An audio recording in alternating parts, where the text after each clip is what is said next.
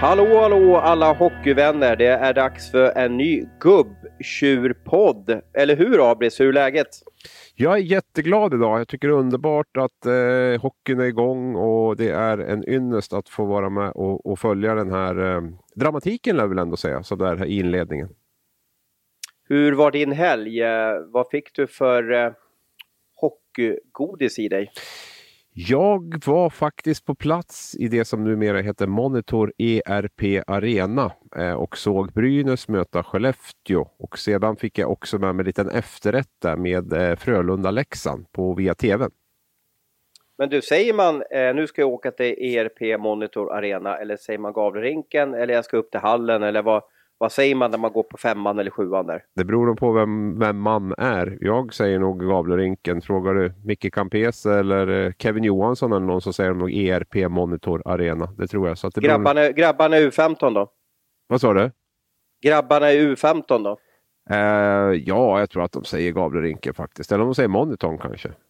Undrar hur många år det behövs för att ett namn ska sätta sig. Jag menar, Ericsson sponsrade ju Globe Arena, men, och det är ju tio år sedan, men jag tror ingen säger Ericsson Globe Arena, utan man säger Globen, eller hur? Ja, jo absolut. Eh, det, det, så är det nog. Men jag vet att det hette ju Läkerol Arenan här ett, äh, rätt länge också. Då var det ju Läkerolen som, som, som gällde efter något år där. Då, då, då hette den ju så i folkmun också. Så att äh, det går att, att lära gamla hundar sitta också. Så jag säger nog snart om ett år sedan och nu drar jag upp till monitorn.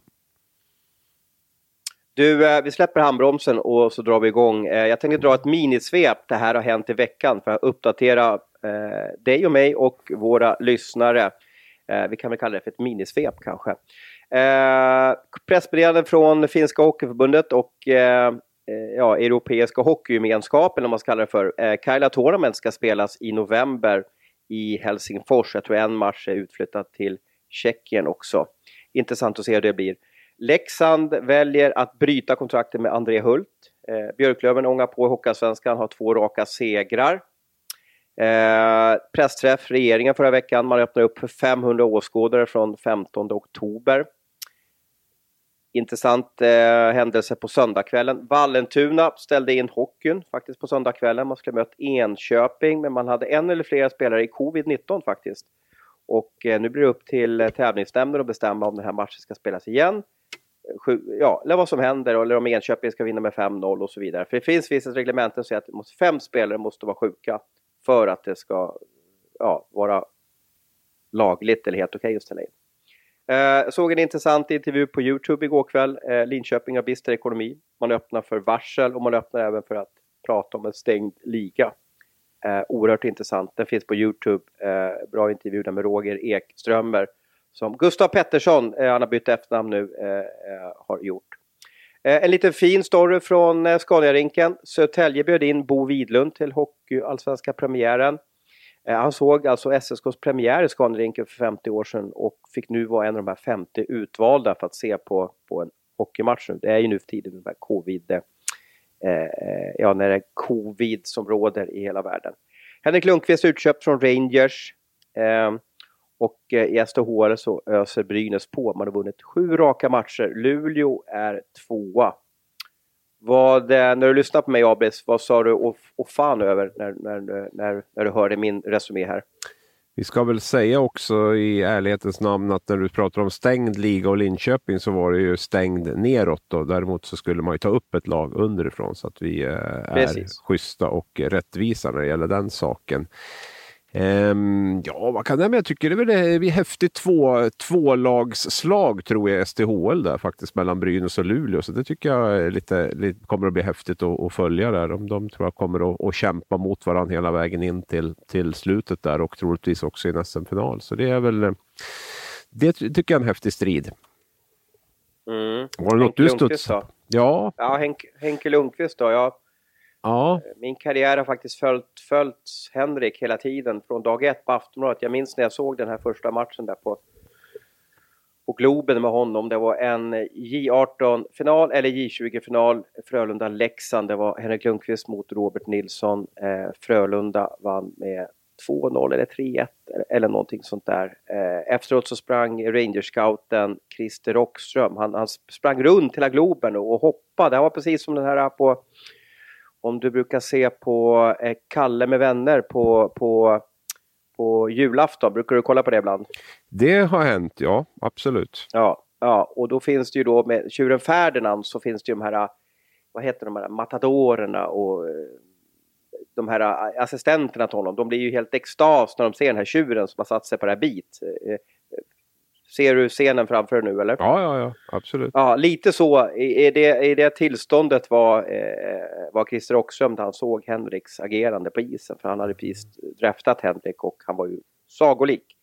Eh, så han sa direkt så här, du ska över till Hartford nu, nu, nu, nu, nu, nu, nu, så att säga. Och det blev startskottet på, på, på, eh, på min minnesresa med Henrik och nu är han utköpt från Rangers. Och vad, vad tror du han hamnar nu någonstans?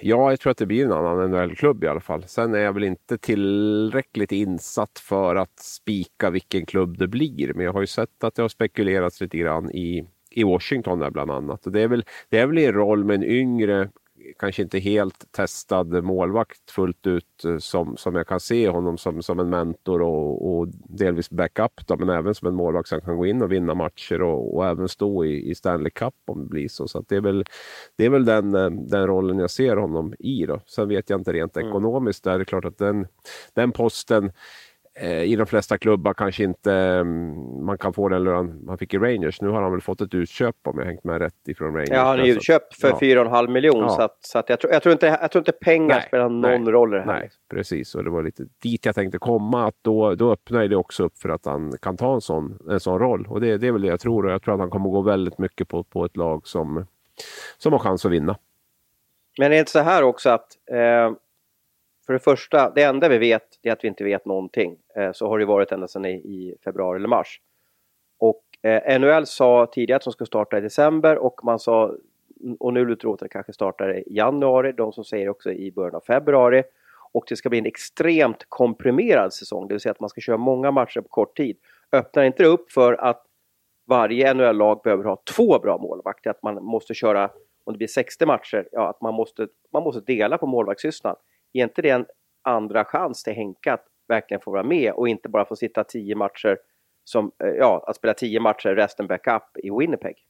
Jag trodde nästan att du skulle säga att det skulle behövas tre målvakter som stod hela tiden. För två målvakter ja, behövs ju ja, nästan en normal tre. säsong. Jo, men den, ja.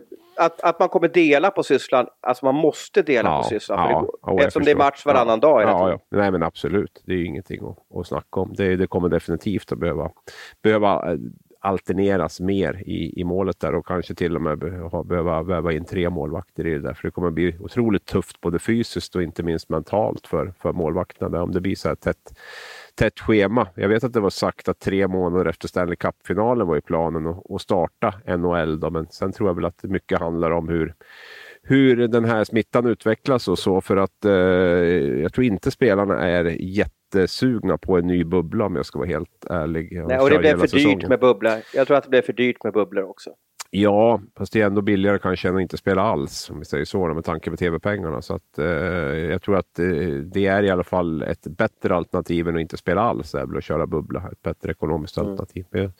Så att därför kanske man försöker skjuta på det så långt det går eh, nu då för att eh, kunna spela på i alla fall i de arenor där de normalt sett spelar. Sen och, no och Nordamerika verkar ju också vara så här, vad ska man kalla det för, eh, kunna göra vad som helst när det, och vara kreativa lösningar. Det vill säga att man spelade, spelade eller ja, sjätte avgörande Stanley Cup-final, vad var det, i, i slutet av september eller första oktober det var. Eh, du vet, man har ju vridit på hela bilden. Det där tror jag att vi skulle ha svårt att göra i Sverige, att man ska spela en SM-final på, på julafton. Förstår vad jag menar? Va? Liksom att, att det, det, det, har ju blivit så skevt hela, hela, hela året och hela säsongen. Eh, så jag tror att de, de kan nog göra vad som helst för att the show must go on. Och då, vi, kan nog, vi kan nog ställa sig in på att eh, NHL kan starta på midsommarafton om det är så. Liksom. Man, man kan nog göra vad som helst för att få till en hockeysäsong. Ja, jag är helt enig med det där. Att och det är väl hänt även i andra delar av, av världen här nu att man får inse att det inte går riktigt att, att tänka som man har gjort jämt tidigare utan man kanske måste rucka på, på vissa, vissa heliga kor ibland. Vi tänkte starta och prata med Dick Axelsson. Han är avstängd från svensk ishockey. Uh, han har ju säkert varit det tidigare någon gång, men nu blev han avstängd efter en händelse i en match mot Malmö. Jag tänkte läsa upp uh, disciplinnämndens beslut. Och eh, i anmälan så står det så här, i periodpausen mellan första och andra perioden börjar Dick Axelsson i Djurgården och Fredrik Händemark i Malmö att tjafsa verbalt med varandra när de lämnat isen. Innan Händemark ska vika av mot sitt omklädningsrum stannar båda spelarna och pratar och tjafsar med varandra. Efter en kort stund går Dick Axelsson därifrån och går mot sitt omklädningsrum.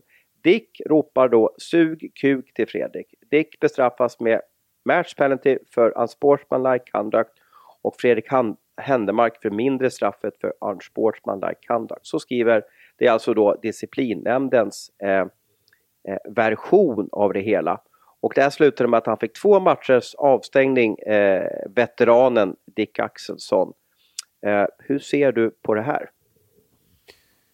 Ja, jag tycker väl att det är bra att det bestraffas. Det har ju varit sagt nu att man ska vara hård mot, mot könsord och diskriminerande ord och rasism och allt vad det är för någonting. Så det, det, jag tycker jag har inga problem med det. Sen kan jag tycka att straffet i sig, jag hade nog hellre sett att man hade fått game den matchen och, och böter snarare än att man ska stängas av två matcher. Nu, nu blir, det som, nu blir det som tre matchers avstängning. Ja, ja, det blir det. Och det, ja, det drabbar ju laget ganska hårt också. Det är trots allt en en nyckelspelare som inte kan vara med och så. Jag hade nog mer hellre sett ett mer personligt straff när det är en så personlig grej som man, som man gör. Det är det väl visserligen med, med tacklingar också, men, men, men alltså jag, tyck, ja, jag tycker att det skulle ha varit game och sen eh, böter istället. Det här eh, blir lite obalans i det, i det straffet, men, men eh, själva Själva händelsen har jag väl egentligen inga större problem med. Det har ju blivit en debatt runt det här med att det inte får vara trash talk och det inga, får inte vara några känslor. Är, är sugkuk eh, trash talk? Nej, men jag tycker man kan ha större fantasi än så. Jag tror också, vi har ju, om man ska ta det ett lite större perspektiv så har vi ju en ganska, ska jag säga då, en ganska homogen eh, journalistkår eller expertkår eller hockeytyckarkår. Det är ju, det är ju mycket män runt 50 år och vissa däröver och vissa strax under. Och det är ju då blir ju också diskussionen väldigt ofta utifrån våra synpunkter, hur vi tycker det var och hur det var förut. Och så. Jag menar, det är ju inte 1980 nu eller 1990 heller för den delen. Utan tiden går ju framåt och, och saker förändras ju och de här reglerna för vad som är okej okay att säga och så förändras ju också. Jag menar, jag kan ju, nu är det några år sedan, men när jag läste barnböcker för mina, mina barn så fanns det ju liksom, det var ju neger hit och det var negerkungen dit och det var liksom den typen av, av uttryck som vi idag absolut inte skulle kunna ha i en, i en, i en barnbok. Och det kan man ju tycka att det är liksom moralpanik hit och moralpanik dit. Men, men språket förändras ju och värderingar förändras och där är det väl också viktigt att, att ishockeyn hänger med. Och det, det är ju yngre människor som har kommit in nu och som har haft synpunkter på det här med, med, med könsord och, och, rasism och de bitarna, att det ska vara hårdare nedslag mot det. Och det, det tror jag vissa av oss gubbar har lite svårt att, att tugga i sig, utan man tycker att det ska att man, man förknippar det med, med känslor och med, med, med trash talk. Och jag tror att det, den, den biten måste förändras. Det kan fortfarande trash talka och det kan fortfarande vara känslor, men det, de, det måste nog ske förändringar i det där. Jag tror inte någon av den här homogena gruppen har tillhört en minoritetsgrupp någon gång heller om jag ska vara helt ärlig, utan det är ju mycket vi är ju många vita män som, som inte riktigt och heterosexuella är väl de flesta av oss också. Så, där. så det är ju jag tror att vi har lite svårt ibland också att se större. Sen finns det ytterligare en parameter i det här som jag tycker och det är att idrottsrörelsen vill ju vara en del av samhället, inte minst när det handlar om att eh, kunna göra ekonomi av det, att man, att man eh, är ambassadörer och så vidare. Och det är ju inget, inget att snacka om, att det som sägs högt upp, det sprids ju också längre ner i systemet. Så att det, är ju, det finns ju också ett mycket större ansvar där och det, det ansvaret blir ju ännu större, tycker jag i alla fall, när man gärna vill vara med och, och ta del av den här kakan och, och vara den här eh, kraften ut i, i samhället och för unga människor och för minoritetsgrupper och man sitter i Pride-tåg och, och så vidare. och Så vidare. Så då, då ställer det också större, större krav. Så det är väl eh, det är väl en lite mer fördjupande bild av det hela också. Så att, eh, det är väl ett politiskt korrekt svar du ger nu? Jag tänkte säga tvärtom då kanske i så fall, eller i alla fall inte hockeypolitiskt korrekt. För det är väl... Nej, eh, vi, samhällspolitiskt jag, korrekt. Jag, tror väl kanske att det behövs in också på något sätt. För jag vet inte hur du ser på, på um, hockeyjournalistkåren och vilka det är som hörs och syns och, och tycker och tänker i tv och tidningar och sådär. Det är ju jag vet inte om det är liksom ett tvärsnitt av, av den svenska befolkningen. Det är inte säkert att alla tycker som, som vi som har varit i ett omklädningsrum sedan man var fem år och, och gått i de katakomberna och varit med på 80 och 90-talet och hur det snackades då och hur det var då. Så det är inte säkert att de värderingarna är superfräscha och superfärska. 2020. Nej, vi fick väl en känga av eh, Ösnöjen här i, i eh, fredags när vi var på konferens. Han sa väl titta på er själva. Och så tittade vi på oss själva. Hur, hur såg Sportbladets eh, redaktion ut? Ja, han efterlyste ju lite fler kanske eh, andra generationens invandrare, absolut. Så är ja, det. var, det var Lundin, Lundin Abrahamsson, eh, Wahlberg, ja, ja, du vet. Det, ja. fanns ju, det, fanns ju, det fanns ju ingen eh, färgklick i, i, i, på vår redaktion utan det var ju väldigt, väldigt Svenssonaktigt vi behöver inte göra någon stor grej av det, det är inte det som är meningen med det, men det kan ändå vara värt att belysa att det är, eh, det är en viss typ av röster som hörs alltid i de här sammanhangen. Och det ska väl vara, jag, menar, jag, jag tillhör väl en av dem också, så att det är ju inte det att jag liksom försöker sätta mig själv på någon piedestal, utan det är ju mer ett konstaterande att så här ser det ut. Och det innebär ju också att man måste ibland kanske mana till lite eftertanke. Att man eh, också funderar. För spontant kan man ju tycka att ja, fasiken, det där var väl inte så farligt. Det där har man ju liksom sagt själv till någon motståndare någon gång. Och liksom, det var väl ingen som sprang och tjattrade om det och, och, och så vart man avstängd. Liksom, utan det, men, men vi kanske också måste... Tror du Händemark blev förbannad eller ledsen när han hörde det? Eh, nej, men jag tror inte, jag tror det rann av honom helt så. Jag tror inte, det, jag tror inte att det är liksom att han... Tror att man säger det. fortfarande sånt här fast Dick hade otur. Uh, ja, att, han, ja. att domarna hörde det. Ja, självklart är det ju så. Det är ju så. Jag menar, det, är som att köra, det är som att säga någon som åker fast för fortkörning. Tror du att det är fler än han som åker fast som har kört fort? Ja, det är klart att det är det. Och jag menar, men, mm. du vet ju om att du tar en risk när du kör fort, kör för fort. Ja, det, ju... det, jag kan, det jag kan tycka det hela, det är ju det här med att, att jag älskade ju liksom Per Jos på isen. Eh, och han är också den kategorin som, som du och jag var med i, i det i det förgångna eh, hockeyfamiljen och, och, jag vet inte vad han gör idag om han kämpar på som juniortränare eller någonting. Men han hade ju en, en touch när han ville göra motståndare förbannad. Jag minns en gång så, så, så slogs han med en, med en junior på en träningsmatch. Och så, och så sa han så här, men du, eh, jag tror han slogs med Jonas Nordqvist om jag minns rätt. Och så sa han så här, men du Jonas, varför står du här och slåss? Jag har ju pratat med din sportchef och, och du kommer inte vara med i truppen om en vecka. Så att, varför håller du på här, så här och larvar dig? Det tycker jag är snyggt trash talk. För att jag kan lova att Jonas Nordqvist gjorde inte ett rätt i den matchen efter där. Han bara satt och var orolig för sin framtid. Mm. Det är för mig så mycket snyggare än att ropa ja, sugkuk.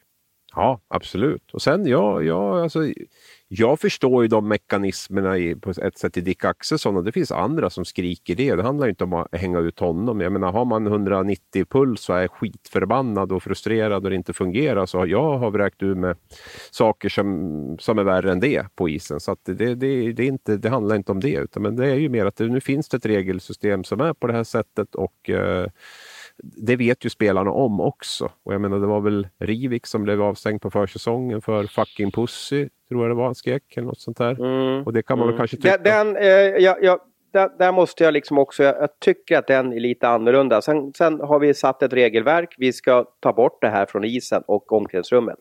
Punkt slut. Ja. Så, så är det sagt från Hockeyförbundet. Ja. Och då måste vi förhålla oss med det. Men mm jag kan tycka att man måste se på vissa incidenter i ett större perspektiv. För det här fallet var det att Roselli Olsson ledde ut ett chipshot på om det var Nordsäter eller Berg i Leksand. Och Rivik som lagkamrat såg det här och tyckte att Roselli gjorde fel. Nu hade han, ett, gjorde han ett felaktigt ordval. Ja. Eh, han skulle sagt så här, vad gör du Mats? Eller någonting sånt där. Ja, han kunde ha sagt, varför håller du på sådär? För du kommer ändå inte få jo, spela nästa vecka. Men jag kan tycka att det Roselli gjorde i det fallet var, var mycket fulare än, än vad Rivik gjorde. För jag, att, att dela ut en smäll på någon som, som domarna håller i, för mig är det liksom så lågt och så vidare. Men Rivik gjorde fel, men... men det är mycket män Dicks, du. Ja, men, men eh, Dick var ju liksom helt, det var ju lite annorlunda tycker jag. Men jag tycker att man måste se lite större på, på incidenten också. Men har man satt könsord så har man ju sagt könsord och då blir det ju väldigt svårt om man ska hålla på och modellera utifrån vad den spelaren har gjort innan. Då, som, som den bestraffningsprocessen eh, skulle inte jag vilja vara, vara en del i i alla fall. För då blir det ju ett väldigt navelskåderi om du ska, om du ska liksom börja och, och könsord är ju ändå hyfsat enkelt att bestraffa då utifrån det. Men ska du dessutom väga in vad som har hänt i matchen och kanske det som hände i matchen innan när de möttes och sådana saker, då blir det ju jätteknepigt. Men det här var ju en incident som pågick jo, jo. under, det var jo. tre sekunders eh, incident. Ja, Jo, men det kan ju vara att det var två, om det var två byten innan då, ska det, skulle, han, skulle han straffats då, då för fucking pussy? Om det hade hänt två? Nej, Nej. Nej det tycker jag inte. Nej, inte då heller. Nej, men, jag, men där har vi olika åsikter om det då. Jag, mm. jag... Det gäller att domarna orkar hålla i det här också. Ja, men det tror jag eller, att spe... eller att spelarna har lärt sig nu. Nu, har man ju, ja. nu har man gjort två prejudikat. Så här ser vi på nu. Stäng igen lim, limsaxen. Det är lite så man säger nu.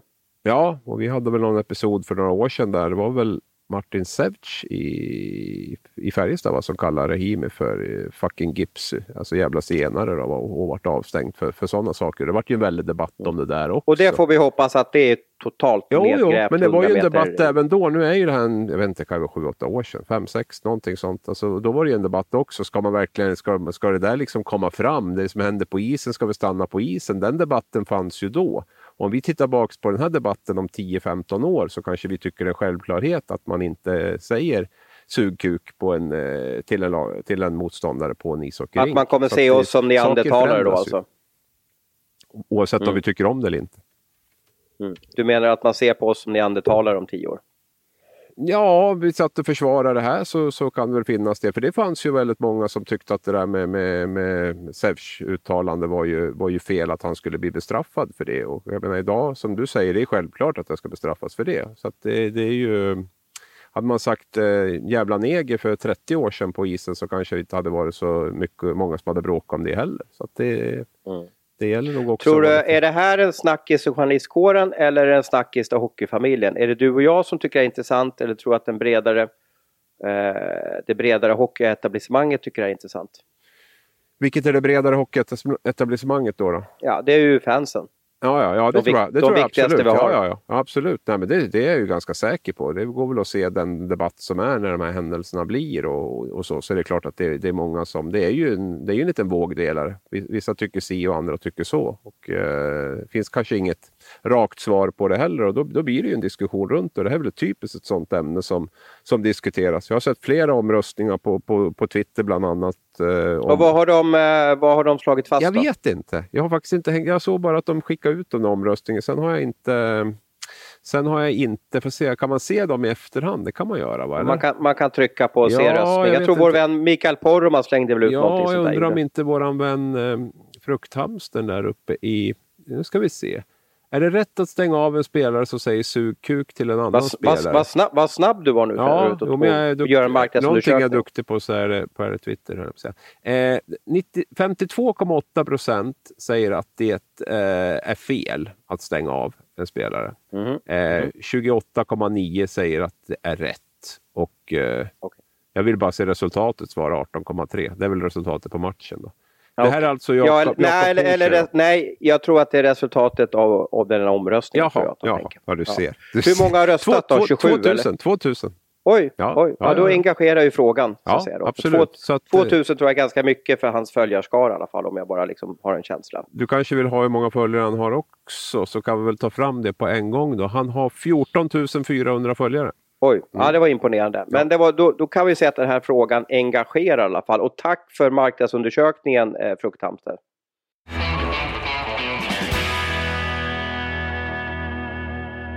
Ett annat ämne som har engagerat i veckan, tror jag i alla fall, eh, det är en intervju med Björn Hellkvist på lördagskvällen. Du valde ju att se eh, Brynäs live och sen så halkade du in på Frölunda-Leksand.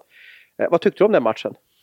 Bra, Bra, jag gillar Frölunda väldigt mycket. Var den bättre än den matchen du såg live ja, i, ja, ja. i ERP Monitor Arena? Ja, absolut. Nej, men det var det. Jag tycker, jag tycker det är två lag som, som spelar en bra anfallshockey, fast på lite olika sätt. Då, kan man tycka. Frölunda är otroligt intensiva Eh, Eh, konsekventa, fyra kedjor som, som, som jobbar, vinner kamper, små kamper, vinner puckar. Eh, det sättet Leksand spelar ju, handlar ju väldigt mycket om den här första kedjan som, som har en otrolig offensiv uppsida. Eh, så att det, det, men det är två underhållande lag att se, tycker jag. Och de bjöd på en, eh, på en bra match där i, i, i Skandinavien.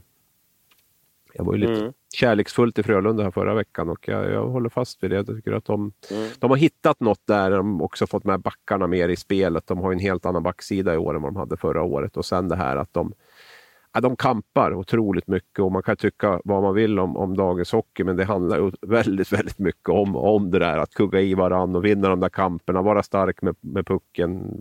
Det, det, det, där, är de, där är de bäst i klassen faktiskt.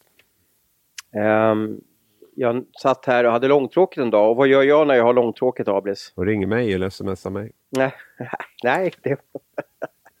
Vilket så här knivhugg du delar ut. Nej, nej det var väl jag, gulligt jag, jag, har annat för. Jag sätter mig och jobbar och, och vänder på stenar och tokringer och, och sådär.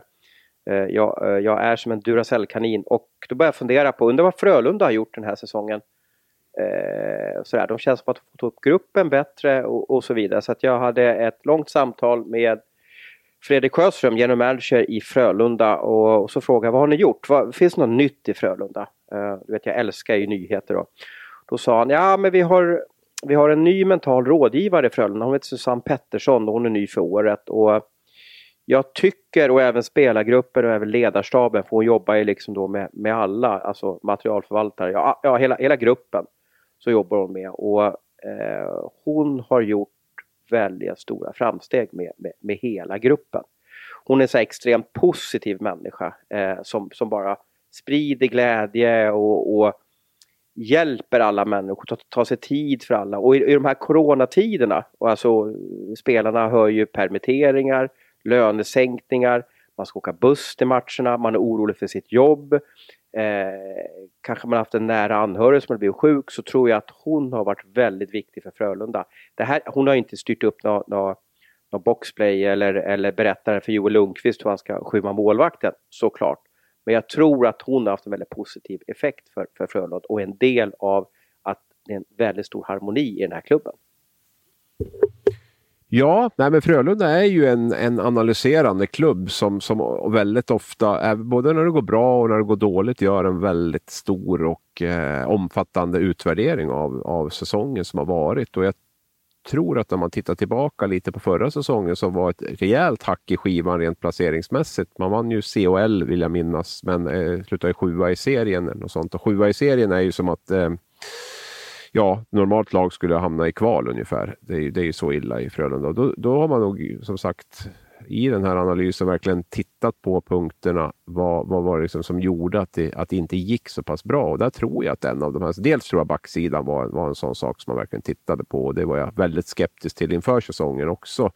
Där man tappade Genoway bland annat och Stollery fick, kom inte alls in och, och ersatte. Jag tyckte man fått in väldigt mycket stabbiga backar under en period, äldre stabbiga backar och eh, det, det åtgärdar man. Där ska ju Sjöström ha ett jätteplus som, som landar Norlinder och Sellgren och Filip Johansson. Det, det, det är bra jobbat. Så att, eh, och sen Sen tror jag också det här med som du är inne på. Jag tror att man inte riktigt fick den där gruppkemin där med, med det blev lite för många tuppar i hönsgården tror jag förra året och det, effekten blev inte riktigt som man hade önskat sig. Så där har man ju också gjort om lite grann. Man fick inte upp några yngre spelare heller på forwardsidan och det har man försökt gett lite mer utrymme till. Så att jag tror att det är en grupp som som jobbar väldigt mycket bättre tillsammans nu. Sen ska man ju göra det över 52 omgångar och inte minst i ett eh, slutspel också. Så vi ska väl liksom inte bara eh, hojta om att det är succé redan nu efter fem omgångar. Utan det, det är ju en lång resa Frölunda ska göra och det kommer säkert att bli gnissel och, och gny även i, i den här gruppen. Det läste ut om pokal 4 oktober väldigt få i alla fall. Jag vet inte om det är någon som, jag vet inte, var det inte Rönnberg som, som sa att vi tog årets första buckla i Strömstad där, eller var det? I augusti mm. någon gång. Så att, ja. Och han har också skrytit om att de tog förra säsongens enda buckla. Ja, när de vann, CHL. Eh, när de vann, precis ja. Mm.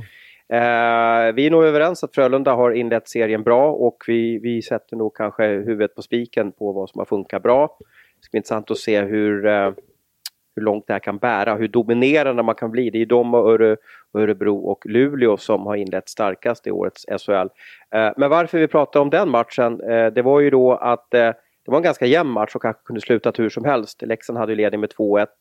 Eh, kanske var målvaktsspelet, backspelet lite eh, av olika kvaliteter mellan lagen. Eh, men Frölunda gick ifrån och vann med 4-2 ganska komfortabelt i sista perioden. Eh, Leksand lever på sin eh, vad ska vi kalla det för, eh, superkedja, ska vi kalla det för det? Eller har vi något kvällstidningsord vi kan, vi kan eh, lägga på dem? Nej, det, det, funkar bra. Du har, ju, du har ju kört superkedja sedan i augusti på dem så vi, vi kör vidare med det. Mm, ja, jag, eh, när jag såg dem i första matchen, om det var Kumla, så, så, så märkte jag att här har vi någonting extra. Eh, det, här, det här är tre spelare som kommer ha väldigt eh, lätt att producera och lätt att komma till målchanser. Sen får vi se hur länge de håller. Men efter matchen så var det någonting som hände som fick många att sätta eh, ja, jag vet, har man börjat med julmusten ännu? dricker du julmust i Gävle eller när går du in på julmusten? Jag är dålig julmustdrickare så jag, jag har inte sån där jättekoll på när den kommer men jag, jag är osäker mm. på om den har kommit. Det kanske den har gjort förresten. Jag tyckte, ja, jag tror tyckte att jag den såg, utmärkta såg... krönikören Stisse Åberg twittrade någonting. Var inte det med julmust eller var det påskmust eller någonting? Ja, jag vet inte men, men någonting sånt var. Jag tror, men, jag tror att julmusten har kommit till Lidl. Många satte nog lördagsdrickat i, i halsen när man ja. hörde Björn Hellkvist i Simor utmärkte journalisten Lasse Granqvist intervjua honom efteråt. Och ska jag dra lite resumé vad, vad, eh, vad Björn sa efter matchen? Gör så. Eh, det ju, funkar ju också så att efter en match så är ju Simor extremt skickliga. Du och jag har gjort exakt samma sak. Vem trycker man upp vem trycker man in i intervjun direkt efter matchslut? Vem är det? Vi är förlorande lags tränare. Ja, och det är ju för att han är uppumpad, har känslor, Eh, vi minns ju en intervju för några år sedan där Petter Lasu Nilsson halkade in i Simor och eh, eh, eh Lasse Granqvist, eh, skickliga kollega, Lena, Lena Sundqvist tror jag var, eh, hade en intervju med henne och det gick inte att stoppa honom. Han matade på och gav en historisk intervju där han tog ja, livet av eh, domarkåren, kan man kalla det för det? Ja, det var väl något, om, något åt det hållet i alla fall. Där. Ja, eh, och det här, man kan ju diskutera om det är rätt eller fel. Jag vet att tränare är väldigt irriterade på att aha, nu har jag torskat, nu ska jag in och bli halshuggen eh, av Wikegård typ. Liksom, sådär. Och att man är, så, man, är, man är så känslosam i det här ögonblicket så att det är så svårt att vara vettig och, och sund och så vidare. Men Björn Hellkvist in i studion och Eh, han var väldigt besviken. Eh, eh, sen kan man ju se det lite nyktert. Man, Leksand då, som är tippat att komma plats 13 eller 14 åker ner till Skandinavium. Kanske den svåraste träningsmatchen på hela, eller svåraste matchen på hela säsongen. Man åker ner och förlorar med 2-4 och en så kallad hedersam förlust. Då kan man ju tycka att ja, ja, men det här var väl helt okej. Okay. Men han kommer in och ja, är sig själv just då eh, ytterst känslosam. Han säger bland annat för jävligt, vi presterar tillräckligt bra för att ta poäng, men vi ger bort det. På sista målet har vi Zachrisson, Patrik, Lang, Oskar, kvar i backcheck. Men vi gör ingenting på den backchecken, säger han då. Eh, och sen så fortsätter han. Vid det sista målet svänger Zachrisson undan från Alvarez. Han har alla möjligheter i världen att köra på Zachrisson och ta pucken från honom, säger tränaren. Eh, och sen så kommer han in på det här att han ska ge mod till laget, att vi har alla förutsättningar att komma topp 6 och jag menar allvar på det och han pratar om en vinnarkultur i Leksand och bla bla bla. Det som många reagerar på, eller jag, jag stoppar där, vad reagerar du på?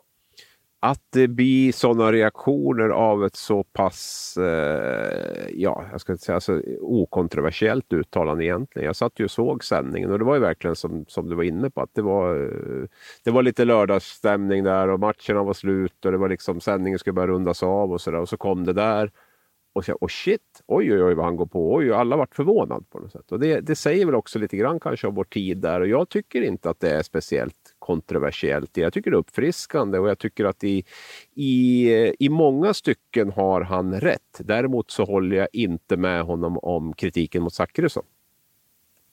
Mm.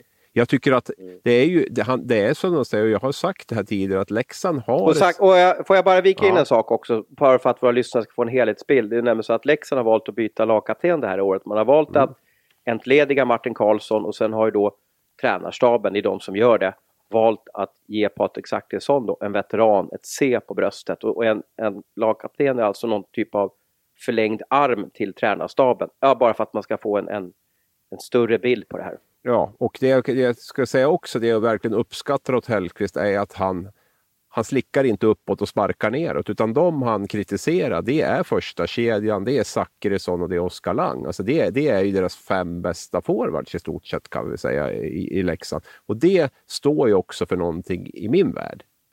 Det är en gammal punklåg. Och den sänder signaler. Och det, nu måste jag liksom ta ner lite grann, för ska man om vi tittar på, alltså, för han kritiserar ju även sin första kedja i backchecken på första och tredje mm, målet och det, mm, det, mm. är ju helt, det har han ju helt rätt i. Cehlarik är ju en fantastisk spelare men han uppfyller ju inte kriterierna som krävs i SHL när det gäller backcheck. Det kan vi ju vara ganska överens om.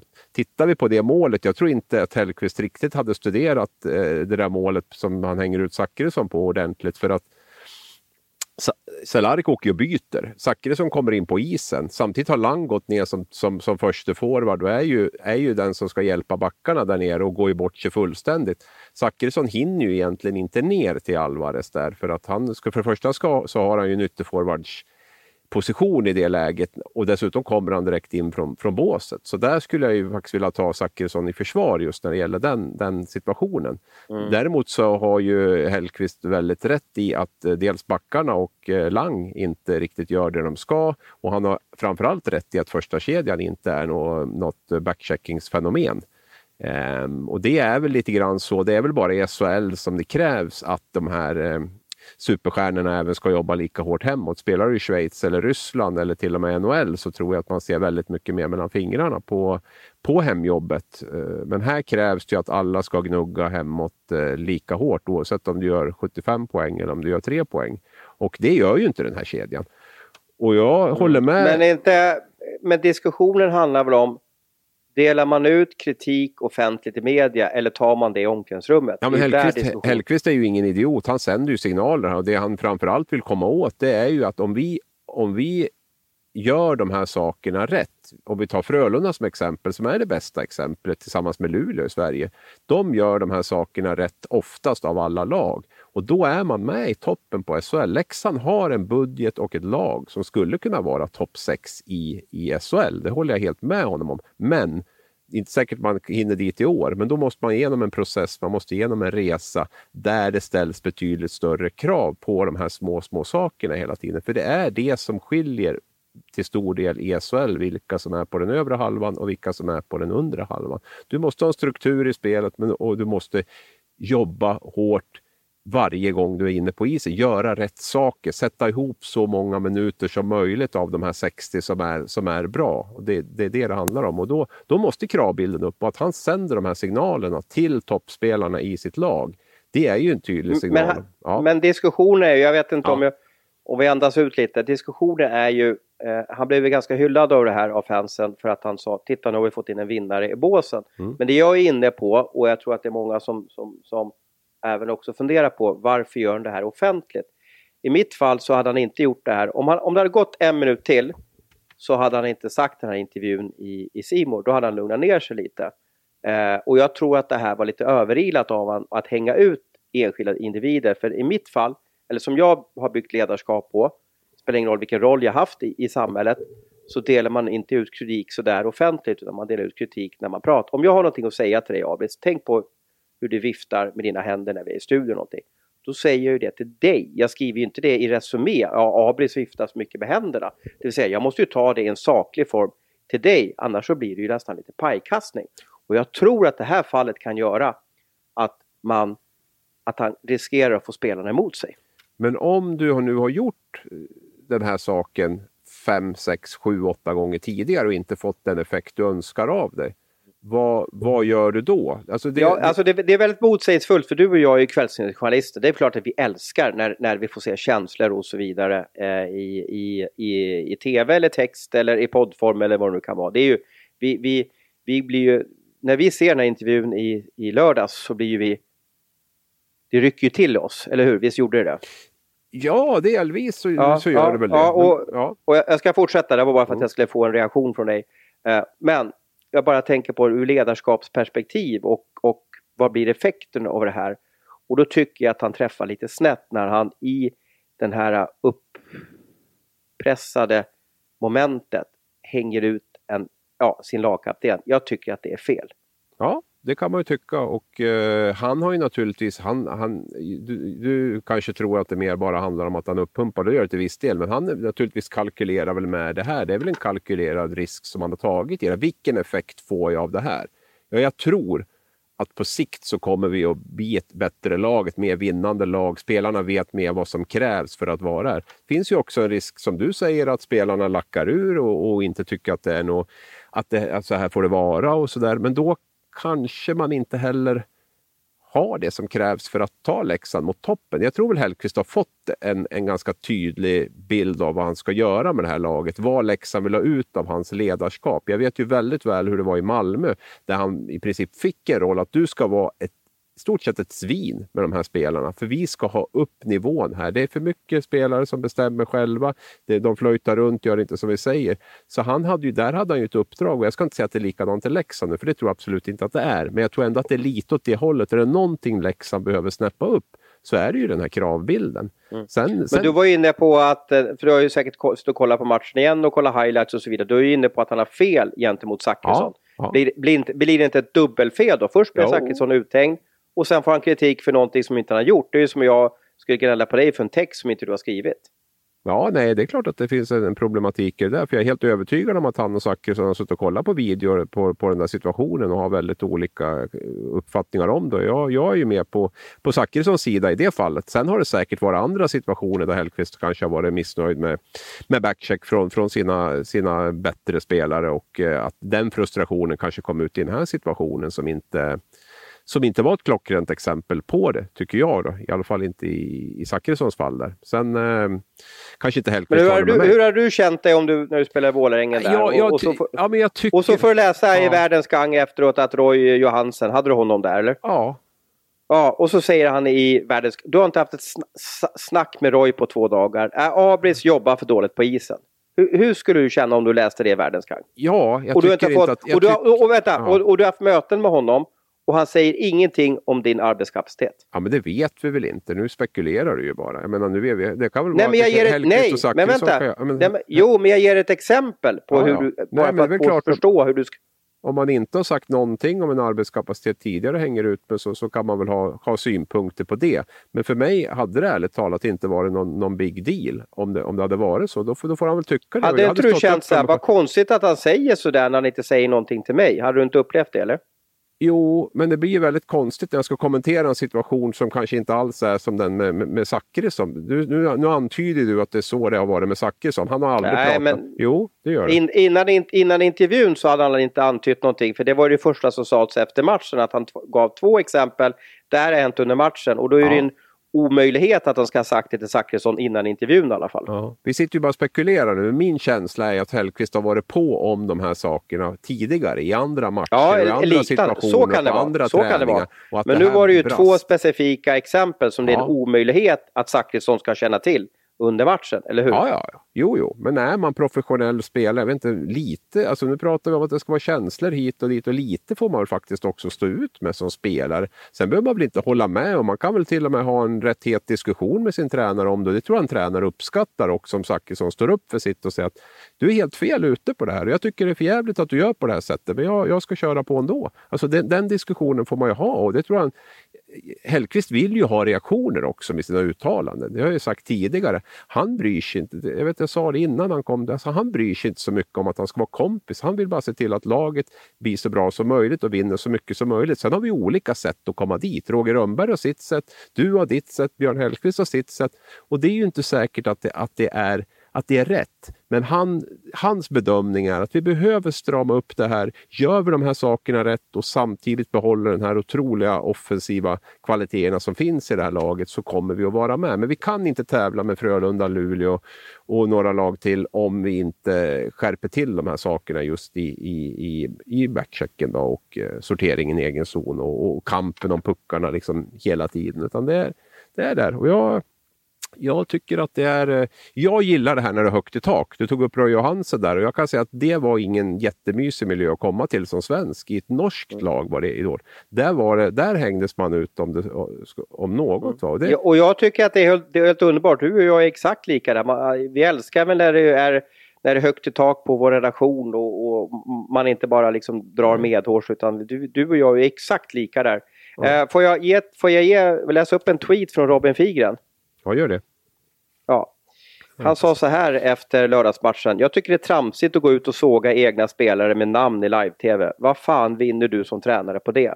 Jag som spelare anser att det, att det, eh, det kan vara det enklaste sättet eh, jag som spelare anser att det kan vara det enklaste sättet att som tränare få laget emot sig, säger han. Kommentar? Ja, men då kanske det inte är de spelarna man vill ha i det laget. Och jag tror att, eh, jag tror att han har ganska starkt mandat från, från ledningen i Leksand att, att eh, driva sin linje, Hellkvist. Där. Och det, jag tror att de står bakom honom ganska långt i det här. Jag tror att det är samma med Peter Andersson i Brynäs. Han pratar ju om att ha kört straffträning på söndag morgon och det har nog inte hänt på hundra år, höll jag på att säga, i Gävle, om de hade förlorat mot Skellefteå där. Och det tror jag också att Peter Andersson har också starkt mandat i klubben i Gävle, att, att, att, eh, att de vill ha hans ledarskap och det tror jag också att man vill ha i, i Leksand. Där. Och jag tycker Alltså ja, ja jag, jag, tycker inte att är, är det så jobbigt och, och, att, att bli uthängd på det där sättet, då kanske man ska pyssla med någonting annat. Alltså för att det, det är väl en sak om det är ren, alltså att man, det är penalism eller terror från tränaren i ett omklädningsrum, det är det värsta som finns. Men att han i stridens hetta är förbannad, de har förlorat, han är inte nöjd, han hänger ut en, en spelare och han väljer ju de spelarna som är högst upp i hierarkin också han, han fegar inte ut på det sättet, utan tar dem. Och det är klart att det är en risk om det nu blir så att de här spelarna Eh, blir jätteledsen på det här. Men samtidigt kan de ju se det som en möjlighet. Fasiken, alltså det här är en tränare som verkligen vill att vi ska komma längre, högre upp än vad var det. Jag är beredd liksom att, att lägga det jobbet på dig. Jag, jag, kan se mig i spegeln och säga att jag behöver göra det här bättre för att vi ska bli ett vinnande lag. Så det, det, är ju det är ju dit jag tror att han hoppas att han ska nå. Sen är det väl alltid svårt att säga vad, vad det är. Men jag, jag har svårt att såga hans eh, uttalande, bortsett från att han hade fel i sakfrågan. Men nu diskuterar vi ju mer om man ska hänga ut en spelare eller inte. Och det, mm. ja, på det sättet, jag tycker frisk, att det var ganska frisk. lindrig, jag tycker inte att det är någon Alltså det är ju ingen toksågning liksom. Han har möjlighet att ta pucken och han gör det inte. Och, alltså, det, jag, jag, vet inte, han svänger undan istället för att köra på honom. Jag vet, det är inte, han säger ju inte att han är en sopa, en värdelös hockeyspelare. Så att jag, jag tycker det är jättepinknödigt om jag ska vara ärlig och, och, och reagera på det. Mm. Och det, hur ofta händer det? Vad, vad, vad härligt med ja, momentum. Jag får bara lägga till i, det också. Och hur ofta händer det? Det är klart att en, spe, en tränare ska inte hänga ut spelare offentligt på löpande band. Men om det händer någon gång för att få rejäl effekt på det så tycker jag att det är helt okej. Okay. Mm. Spännande. Eh, vi fick eh, momentum i podden, det gillar vi. Ja, Abris, nu tänkte vi skulle lägga 20 minuter på att diskutera hur tråkigt det är att gå på hockey och prata Corona. Vad säger du om det?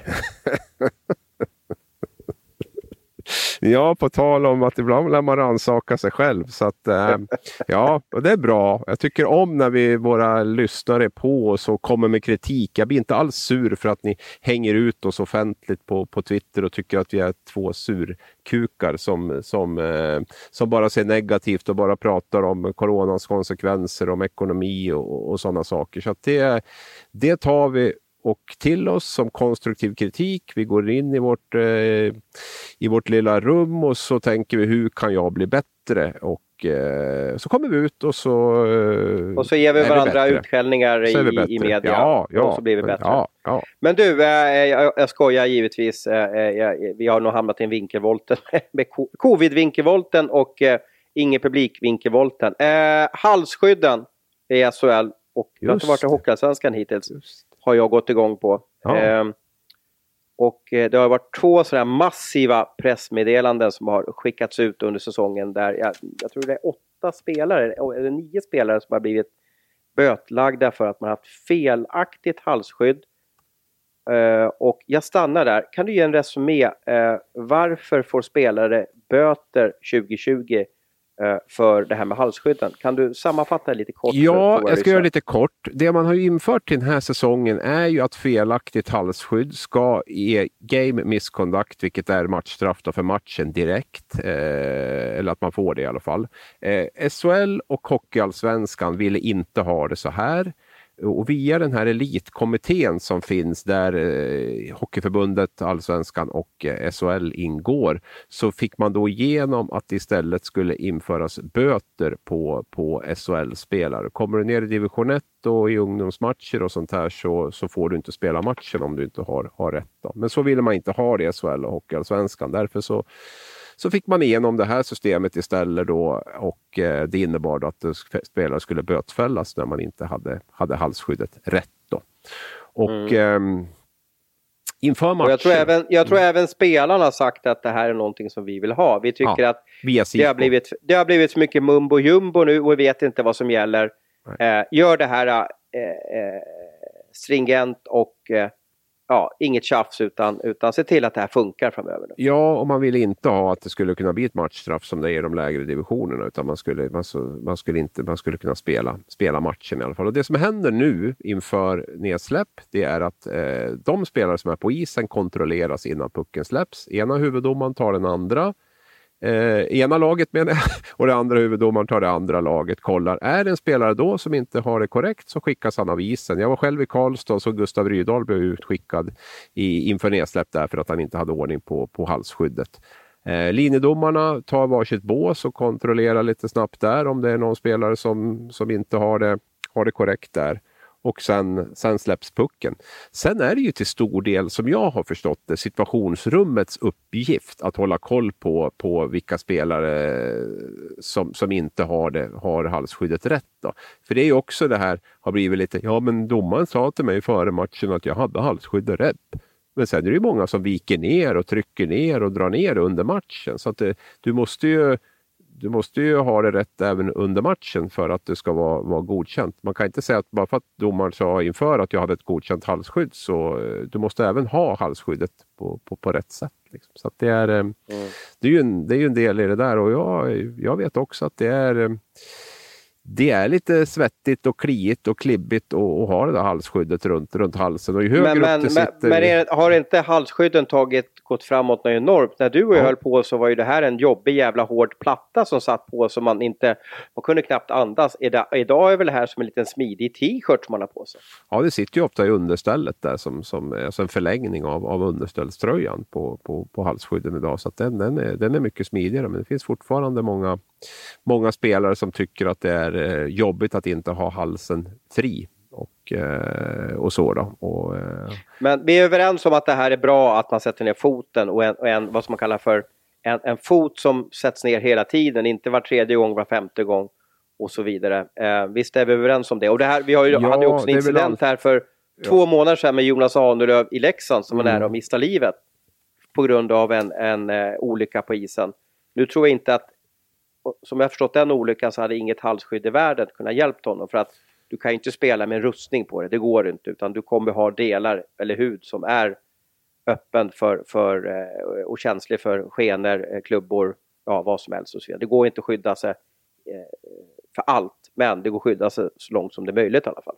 Ja, och det är väl alltid en avvägning hur mycket, man, hur mycket regler man ska sätta upp kontra faran. Och vi har väl haft, vi har haft ett dödsfall för 30 30 år sedan är det väl nu någonting. Va, sånt. Det är väl, det är väl, Åkerblom i Mora ja, ja. Det är väl den, det är väl den eh, alltså, olyckan med sån allvarlig utgång som har varit under alla år som jag har sett elithockey i alla fall med en skena som har träffat. Så det är klart att procentuellt sett så är det ju extremt liten risk att du, att du drabbas av det där. Samtidigt finns ju, finns ju risken och finns det då eh, skydd som är, eh, som är ja, hyfsat Det borde inte vara spelarnas ansvar att se till det här. Ska domarna och situationsrummet sitta och lägga ner, lägga ner tid och resurser på det här? De har ju något annat att göra. Jo, det kan man ju tycka. Samtidigt så är det väl, då kan man ju säga att det är bilisternas ansvar att köra rätt hastighet också. Då. Det vet vi också att det inte funkar. Men det är klart att och polisen hade jättegärna säkert lagt eh, tid på annat än att, än att kolla efter fortkörare eller folk som kör med mobilen i, i handen och sådana saker. Men, men att tro att gemene mans klarar med eget ansvar, det har väl visat sig att det inte funkar och det är bevisligen så nu också i början av, av serien. Men det är klart att det är lite frustrerande att behöva lägga,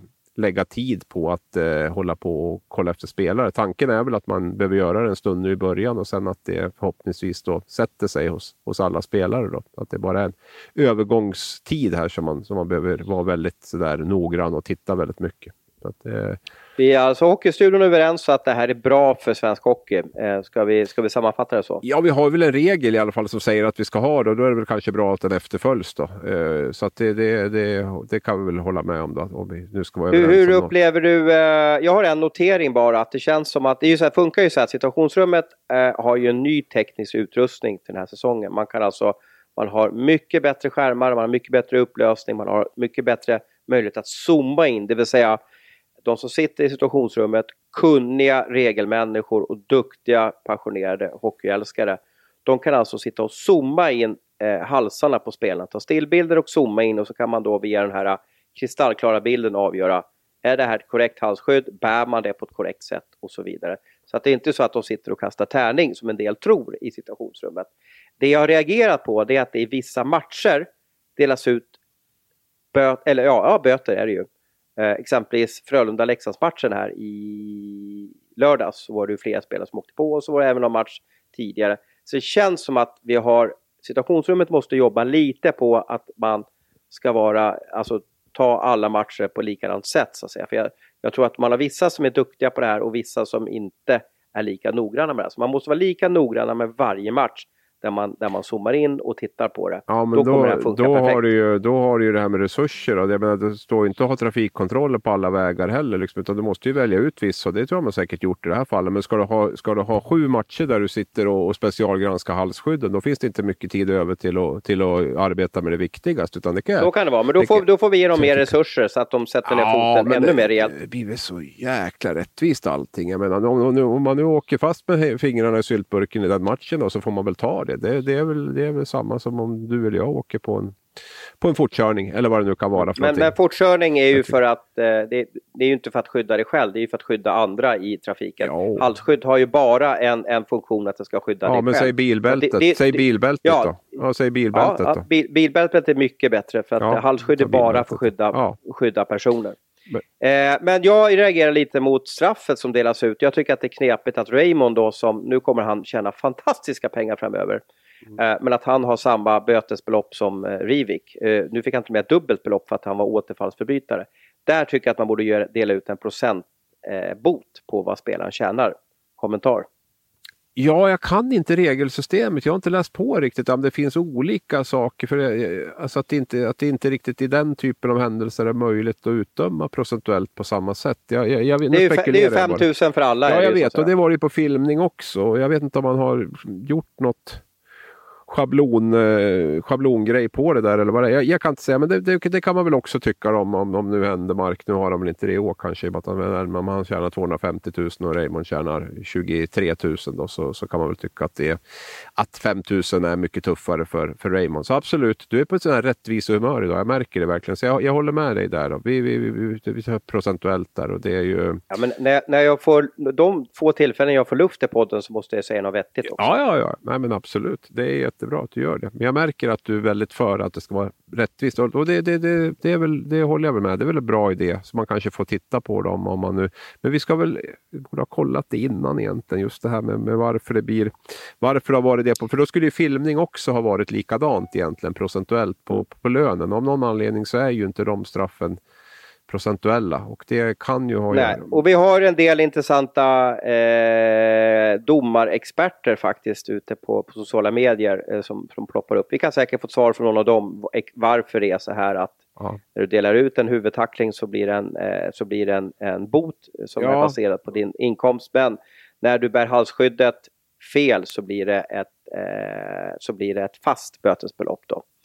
Ja. Eh, men vi kan bara slå fast också att så är det och jag kan tycka att det är, lite, eh, det är, det, det, det är ett hack i systemet. Det, är inte helt schysst mot, mot exempelvis Raymond att han ska få dela ut. Eh, det är ju så att han tjänar, nu har ju han ett bonussystem, det vill säga han har en grundlön som rookie upp på 23 000.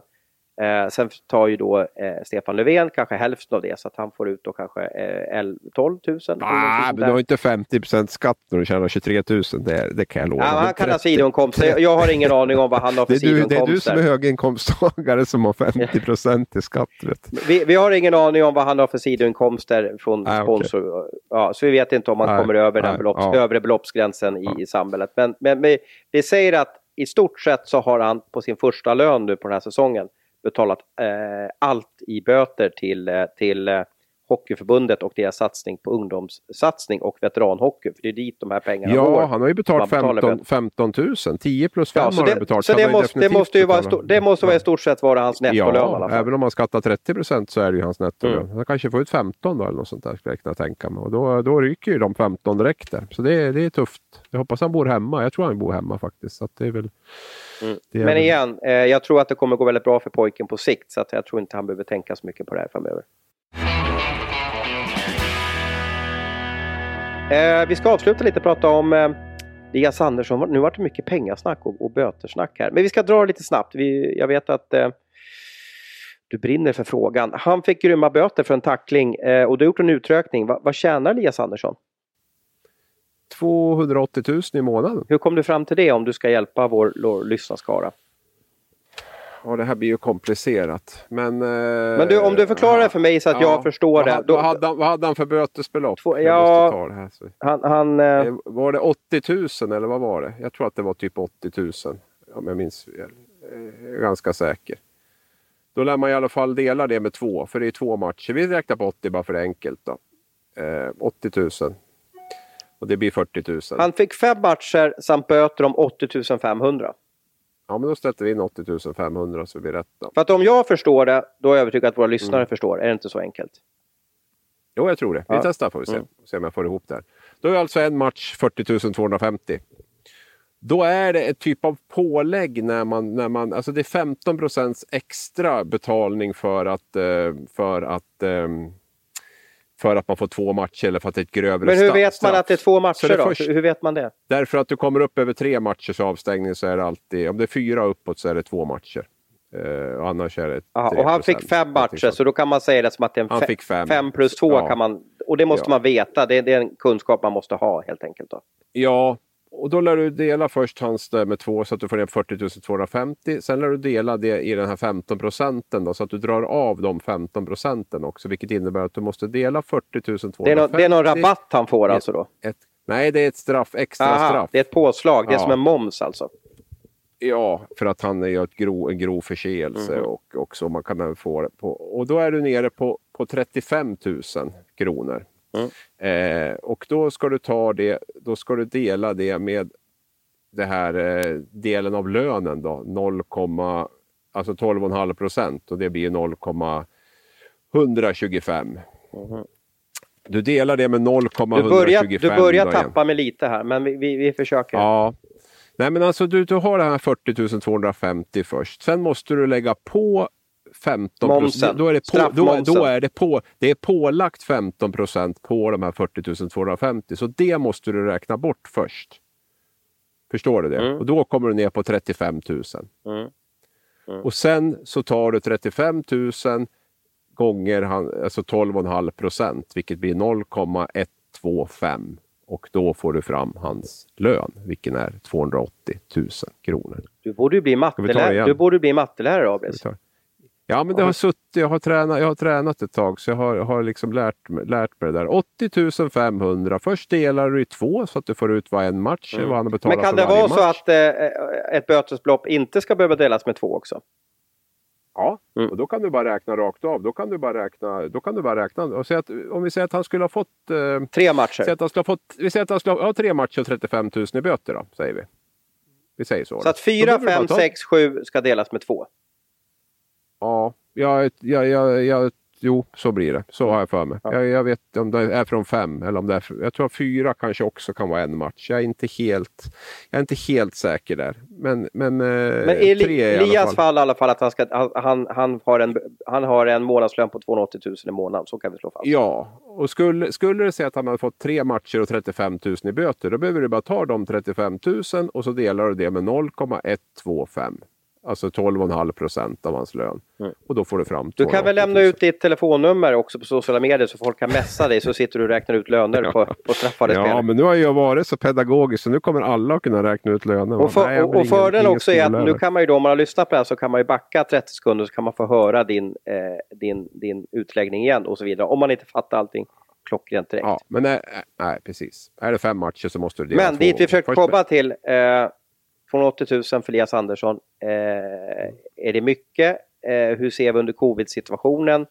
Ja, och så vidare. Det är ju lite det vi försöker, med många som har Ja, men in. det är ju eh, vansinnigt mycket under covid-situationen. Samtidigt har jag varit inne på det tidigare. Klubbarna har inte tagit hänsyn till covid-situationen och utan covid-situationen så är det en ganska normal eh, toppcenterlön. Och jag såg att det var väldigt mycket så här eh, hö, hö kommentarer om att Elias Andersson är ju inte i närheten av att vara en toppspelare i SHL. Jag vet att HV värderar honom väldigt högt. Han var stor del i det här SM-guldet 2017. Han kom in förra året och gjorde det otroligt bra där och det, inte minst höjde deras powerplay. Så i deras värld så är han en väldigt, väldigt viktig spelare som man eh, till och med kanske rankar högre än, än Marcus Ljung till exempel. Då. Eh, sen om det är rätt eller fel kan man ha en åsikt om. Men, men, men man måste ju också se den HV-historien han har innan de här hö-hö-kommentarerna kommer åt alla håll och kanter. Eh, så att, så att han, är han, han värd 280 000 i månaden? Ja, alltså det är ju, det är ju där någonstans topplönerna på Centra Det är ju mark marknadsekonomi styr ska man säga också. Och, uh, Marcus Ljung som vi skrev om fick ju 300 000 av Linköping. Så att, eh, är han värd 300 000? Ja, man kan ju hålla på och diskutera det där. Marknaden styr ju och eh, HV tyckte uppenbarligen att Lias Andersson var värd 280 000. Det han har presterat nu i första matcherna i serien och sen den avstängning han tog så är han ju definitivt inte det. Men sett till, till hans historia tidigare i HV där han har varit väldigt lågavlönad dessutom, inte minst 2017-säsongen, så, så har han väl varit en bra affär totalt sett för, för HV71. Jag tror att vi ska avrunda. Vi har kommit upp till 65 minuter. Eh, jag är alldeles varm. Jag är alldeles... Hur mår du i ditt ja, lilla poddrum? Du, du bar upp någon madrass berättar du inför. Det måste vara helt... Det måste ja, ju vara... Du måste ju ha en, en kroppstemp på, på 41 eller någonting nu det var många som frågade varför jag försvann bort i förra programmet en liten stund. Det var för att jag tog av min hoodie då för det var så varmt inne där. Och hur varmt jag, är det nu? Sitter du helt näck nu eller? Nej, nu har jag, nu har jag shorts och t-shirt på mig så nu är det lugnt. Så nu är det ingen fara. Och jag, det, det, och jag har tjocktröja och eh, jobbarbyxor på mig för jag sitter precis vid en kall eh, fönsterdörr. Det är kanske därför du har så bra ljud också hela tiden. Ja, jag vet inte om mitt är så mycket bättre faktiskt än, än vad ditt är. Vi har väl pissljud båda två. Vi, vi försöker jobba med det också. Men ja. vi, vi, har, vi har kommit fram till det, har vi ungefär lika dåligt ljud båda två så, så, så, så är det ändå lättare för, för, för lyssnaren. För då slipper de sitta och höja och sänka i alla fall. Så du, eh, bra tugg. Eh, vad ska vi förvänta oss den här veckan från Hans Abrahamsson? Den där frågan är jobbig. Då får jag nästan prestationsångest när du säger sådär. Så lite som möjligt då. Okay. Säga så? jag tänkte jag ska se två matcher i veckan i SHL. Eh, jag skulle gärna vilja få in en Hockeyallsvensk match och sen så har jag faktiskt en del nyhetsspår nu som jag inte kan berätta än. Men jag, jag hoppas Shit. att vi gör en historisk vecka och att de som lyssnar på oss eh, och läser oss och, och, ser på oss säger åh fan, minst två gånger den här veckan, då är jag nöjd. Ja, det låter som en bra målsättning. Vi får, vi får lägga tungt ansvar på dig den här veckan. Ja, precis. Jag får vara, ja. jag får vara Mats Sundin den här veckan, det, det, det, tycker jag är lite roligt. Eh, tack för att ni lyssnar på oss och ha en riktigt trevlig dag, kväll och vecka så hörs vi lite längre fram.